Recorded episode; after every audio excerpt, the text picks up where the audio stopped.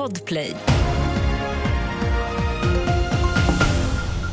Vi börjar i Finland, för med alla röster räknade i presidentvalet där står det klart att Samlingspartiets Alexander Stubb vinner den första omgången. Pekka Haavisto, obunden men kopplad till de gröna, kommer tvåa.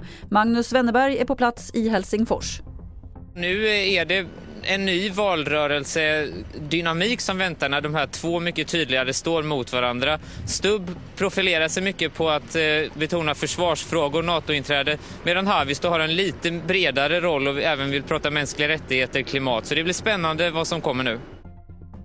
En man vårdas på sjukhus med allvarliga skador efter en skottlossning i Sätra i södra Stockholm igår kväll. Det ska ha hänt i ett bostadsområde. Det finns inga uppgifter om att polisen gripit någon misstänkt. Det här utreds som mordförsök. Varannan svensk vill att regeringen skjuter till mer pengar till vården. Det visar en Novusundersökning som Vårdförbundet låtit göra.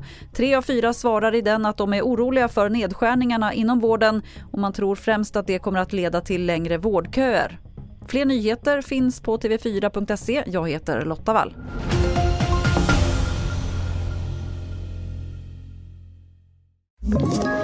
Ett poddtips från Podplay. I fallen jag aldrig glömmer djupdyker Hasse Aro i arbetet bakom några av Sveriges mest uppseendeväckande brottsutredningar. Går vi in med hemlig telefonavlyssning och, och då upplever vi att vi får en total förändring av hans beteende. Vad är det som händer nu? Vem är det som läcker? Och så säger han att jag är kriminell, jag har varit kriminell i hela mitt liv men att mörda ett barn, där går min gräns. Nya säsongen av Fallen jag aldrig glömmer på Podplay.